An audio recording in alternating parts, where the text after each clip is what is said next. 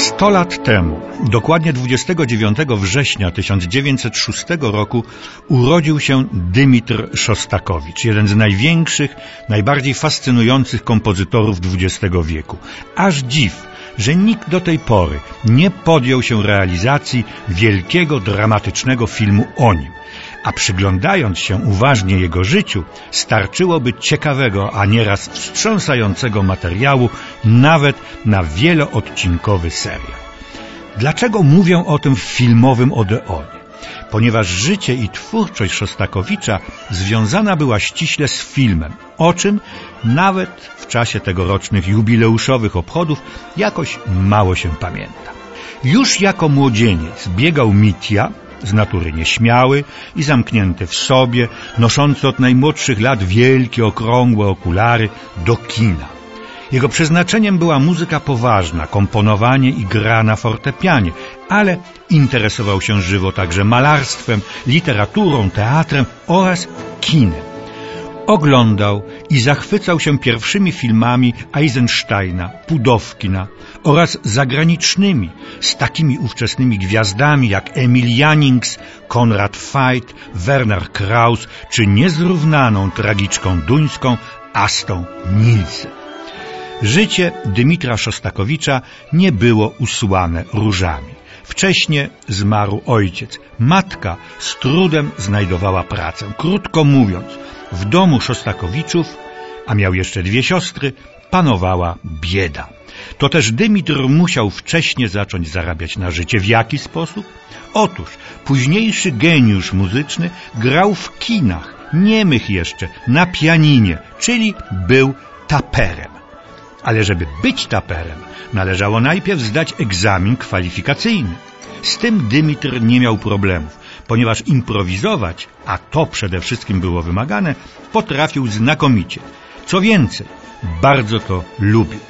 Najpierw grał w kinie o nazwie Srebrna Taśma, a potem w Splendid Palace i Piccadilly. Niech nas te nazwy jednak nie mylą.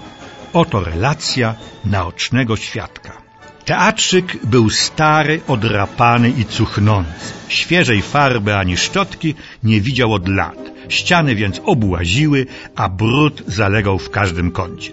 Trzy razy dziennie wypełniał go tłum, wnosząc na butach i płaszczach śnieg. Ludzie przeżuwali przyniesione do kina jedzenie, jabłka i pestki słonecznika, wypluwając łupiny na podłogę. Zaduch, bijący od stłoczonych ciał w wilgotnej odzieży, w połączeniu z żarem dwóch piecyków sprawiał, że pod koniec seansu powietrze stało od gorąca. A kiedy otwierano drzwi, żeby wypuścić tłum i przewietrzyć salę przed następnym pokazem, wówczas zimne, mokre powietrze hulało po salce. Mitia, czyli Dymitr Szostakowicz, siedział na dole przed ekranem, plecy miał mokre od potu. Krótkowzrocznymi oczami w okularach w rogowej oprawie z uwagą śledził rozwój akcji, bębniąc palcami po rozklekotanym pianinie. Do domu wracał o pierwszej w nocy, w cienkim letnim paltociku i czapce, bez rękawiczek i zimowego obuwia.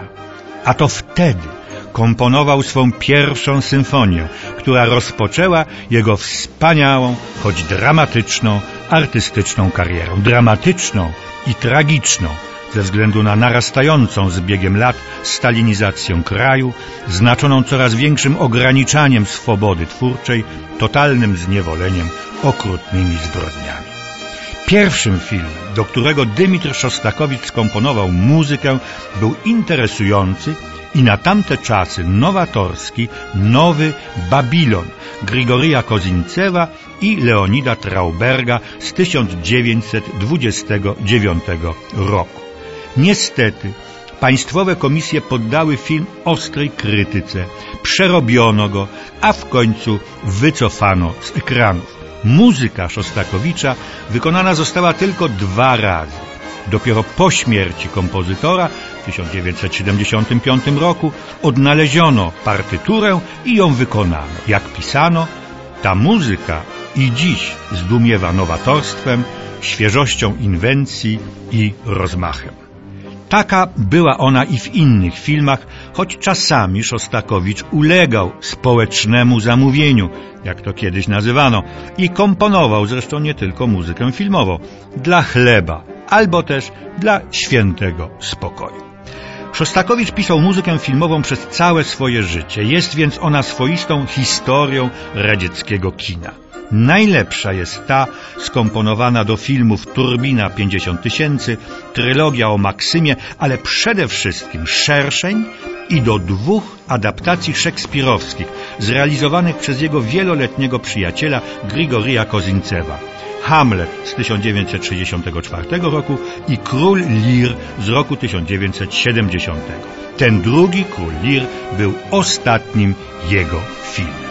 Często słuchając tej muzyki, na przykład pięknego romansu z filmu Szerszeń, nie zdajemy sobie sprawy, że skomponował go jeden z największych mistrzów muzyki XX wieku, Dymitr Szostakowicz.